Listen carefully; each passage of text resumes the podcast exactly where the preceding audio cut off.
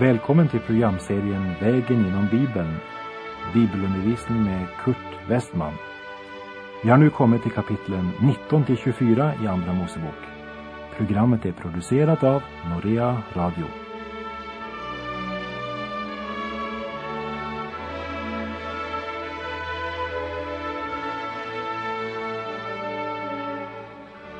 Ja, nu har vi kommit till Andra Moseboks tjugonde kapitel där det berättas om hur Gud ger Israel de tio buden.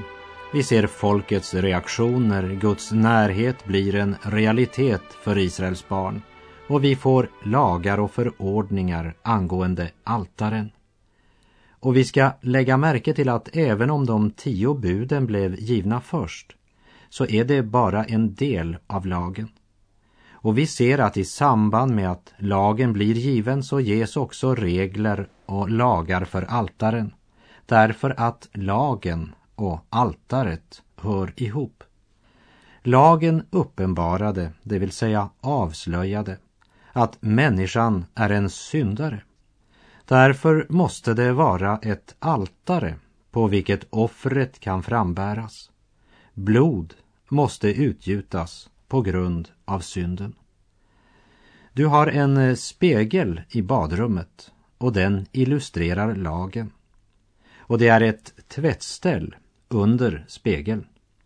Du tvättar dig inte med spegeln. Den avslöjar bara smutsen. På samma sätt är Guds lag spegeln som avslöjar vår synd. Och under spegeln så är det ett tvättställ som det heter i sången. I Jesu död och seger min sak har blivit god. På säker grund jag äger förlossning i hans blod. Den handskrift ut i lagen som mig i vägen stod, den är vid korset slagen och plånad ut i blod. Vi läser Andra Mosebok kapitel 20, verserna 1 och 2. Och Gud talade alla dessa ord och sade, jag är Herren din Gud, som har fört dig ut ur Egyptens land, ur träldomshuset. Vi har därmed kommit till en av nyckelverserna i Andra Mosebok där Gud säger Jag är den som har fört er ut ur Egyptens land, ur träldomshuset. Och det är bakgrunden för att jag ger er min lag. Och Israels folk hade ju närmast bett om att få lagen när de sa allt vad Herren har talat vill vi göra. Det är flera saker som bör nämnas när vi ser på de tio buden. Det första är den nya moralen, den nya seden. Alltså den nya moralsynen som bryter med Guds vilja. Och denna i citationstecken nya moral, den har sina rötter i Edens lustgård, där människan första gången var olydig mot Gud. Så den så kallade nya moralen, den har existerat före syndafloden och efter syndafloden. Idag är den långt ifrån ny. Människan älskar att tro att vi är förfinade, kultiverade och sinnrika syndare. Men det är vi inte. Vi är bara fulla av råhet, grova synder i den långa raden av syndare före oss. Syndare av naturen, födda med syndafallets skada som en fruktansvärd arv. Guds tio bud presenterar oss för Guds norm.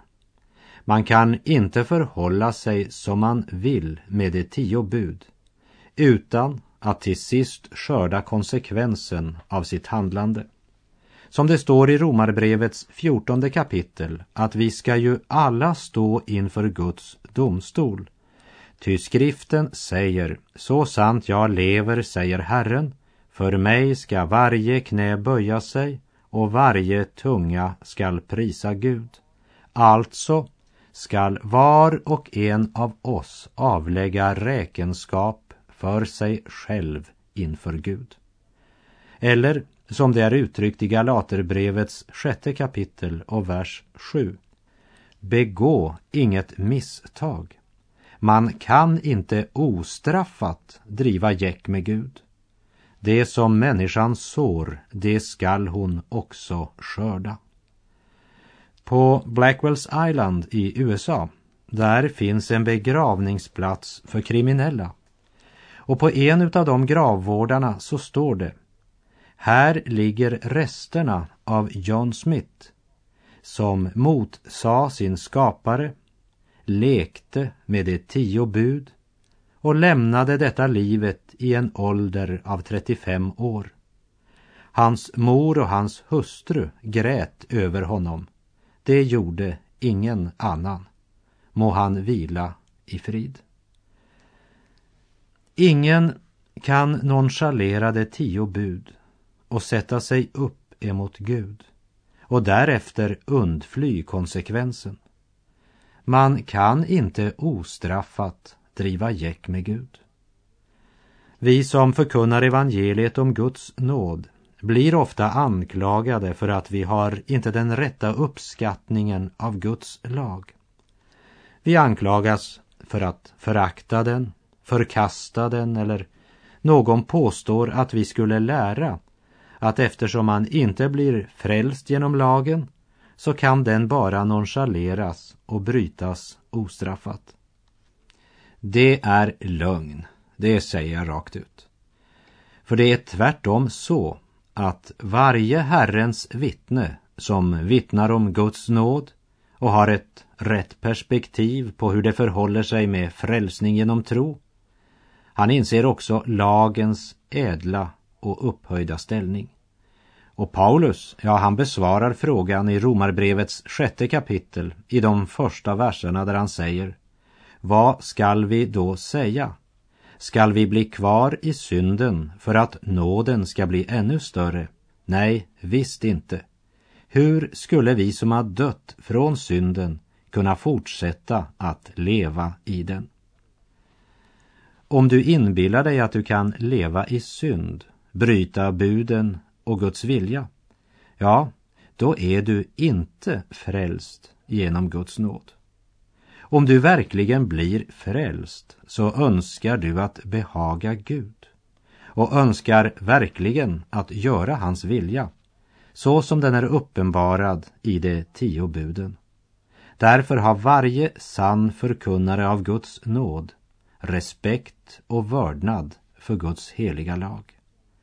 Som salmisten uttrycker det i den 119 saltarsalmen, verserna 14 till 16. Jag fröjdar mig över dina vittnesbörds väg, som över alla skatter. Jag vill begrunda dina befallningar och skåda på dina stigar. Jag har min lust i dina stadgar. Jag glömmer inte ditt ord. Vad är lagen? Ja, låt oss göra det klart. Det finns ingen nåd i lagen. Lagen uppenbarar Guds heliga väsen och Guds heliga vilja. I den 119 salmen säger David i verserna 8 och 9 Herrens lag är utan brist och vederkvicker själen. Herrens vittnesbörd är fast och gör den enfaldige vis. Herrens befallningar är rätta och ger glädje åt hjärtat. Herrens bud är klart och upplyser ögonen. Lagen kräver inte att vi ska göra så gott vi kan, den kräver det fullkomliga. Och jag har ännu inte mött en människa som har levt upp till Guds norm, Guds krav. Den kräver fullkomlighet, för lagen är fullkomlig. Herrens befallningar är riktiga, Guds lag är rätt. Vår uppfattning om vad som är rätt eller fel, det är färgat av vår omgivning, av många yttre förhållanden och av det faktum att vi har en fallen natur. I lagen uppenbaras Guds helighet, renhet och fullkomlighet. Lagen undervisar oss hur Gud är. Och Gud, han har dragit en gräns, en skiljelinje mellan gott och ont, mellan rätt och fel. Hur kan du och jag veta vad som är rätt? Ja, Gud talar om för oss vad som är rätt. Varför är det fel att ljuga, stjäla, dräpa? Det är fel därför att Gud säger att det är fel. Det är synd. Du kanske säger ja, det är ju bra för människan. Och visst är det det. Och lagen skulle vara en fantastisk och underbar sak om människan kunde hålla den. Men tyvärr kan inte människan hålla buden. Och våra många fängelser, låsen på våra dörrar och detta att du måste underskriva en mängd dokument för att få låna pengar i en bank därför att de inte litar på dig. Ja, det stadfäster den sanningen att människan lever i praktiken långt ifrån Guds heliga vilja. Lagen är en norm för hur människan ska uppföra sig, för hur hon ska leva. Stjäla, ljuga och äktenskapsbrott är synd därför att Gud säger att det är synd. Lagen kan inte övervaka att den blir respekterad. Den som ger lagen måste ha makt och kraft och auktoritet. Och Gud vakar över sina lagar med absolut suverän makt och med gudomlig precision. Ta till exempel tyngdlagen. Du kan klättra så högt du vill, men du bör inte mista taget så du ramlar ner. För tyngdlagen fungerar hur högt du än klättrar. Och om du inbillar dig att du har klättrat så högt att tyngdlagen inte gäller längre så kommer du att upptäcka något annat när du släpper taget. Många människor tror att de kan bryta Guds bud utan att skörda konsekvenserna. Det får mig att tänka på mannen som hoppade från Empire State Building i New York, som har 102 våningar. Han trodde inte på tyngdlagen. Han trotsade denna lag och skulle bryta den genom att kasta sig ut från hundrade våningen. När han passerade den nittionde våningen frågade en man genom fönstret, hur går det? Jo tack, bra, så långt, var svaret. För eh, det är inte vid nittionde våningen man skördar konsekvensen av tyngdlagen. Inte heller vid femtionde våningen eller trettionde. Vid den nittionde våningen sa mannen tack bra så långt. Men 90 våningar senare ska han upptäcka katastrof vid denna punkt. Men det intressanta är att lagen måste upprätthållas för att kunna vara lag. Och därför säger Gud i Hesekiel 18.4 Den som syndar, han skall dö. Lagen måste övervakas och upprätthållas och den som bryter lagen måste betala med att straffas. Det är också en annan sida av saken som måste korrigeras och det är en sammanblandning av lag och nåd som blir praktiserat i ett gemensamt system där båda får plats under samma tak så att säga och som inte skapar människor som lever evangeliskt men däremot som evangelastiska eller lagiska. Att placera lag och nåd under samma tak är att beröva lagen dess majestät och dess mening. Det finns ingen kärlek i lagen och det finns ingen nåd i lagen. Nåden berövas sin godhet och gudomliga ära när den sammanblandas med lagen. Nåden berövas sin undergörande kraft, sin tilldragande makt och sitt verkliga mål. Syndarens behov blir aldrig mött genom att lag och evangelium sammanblandas. Lagen pekar på vad människan borde vara. Nåden pekar på vad Gud är och har gjort. Lagens majestät, det är något vi måste få klart för oss. Vi måste inse lagens absoluta krav och dess totala konsekvens. För eljest hamnar vi i en eller annan tack, så långt går det bra-hållning inför buden. Lagen uppenbarar vem Gud är och avslöjar den enormt stora avgrunden mellan Gud och människa. Paulus ställde en fråga i Galaterbrevets fjärde kapitel, vers 21. Säg mig, ni som vill stå under lagen, har ni inte hört vad lagen säger? Det är nog bäst att du lyssnar och lägger märke till vad lagen säger. För människan har blivit lagt på den ena vågskålen för att uppväga de tio bud, men blivit funnen för lätt. Du ska inte jämföra dig själv med andra. Det är mycket lätt för mannen som står där uppe i Katarinahissen att säga till mannen nere på gatan Jag är mycket högre än vad du är.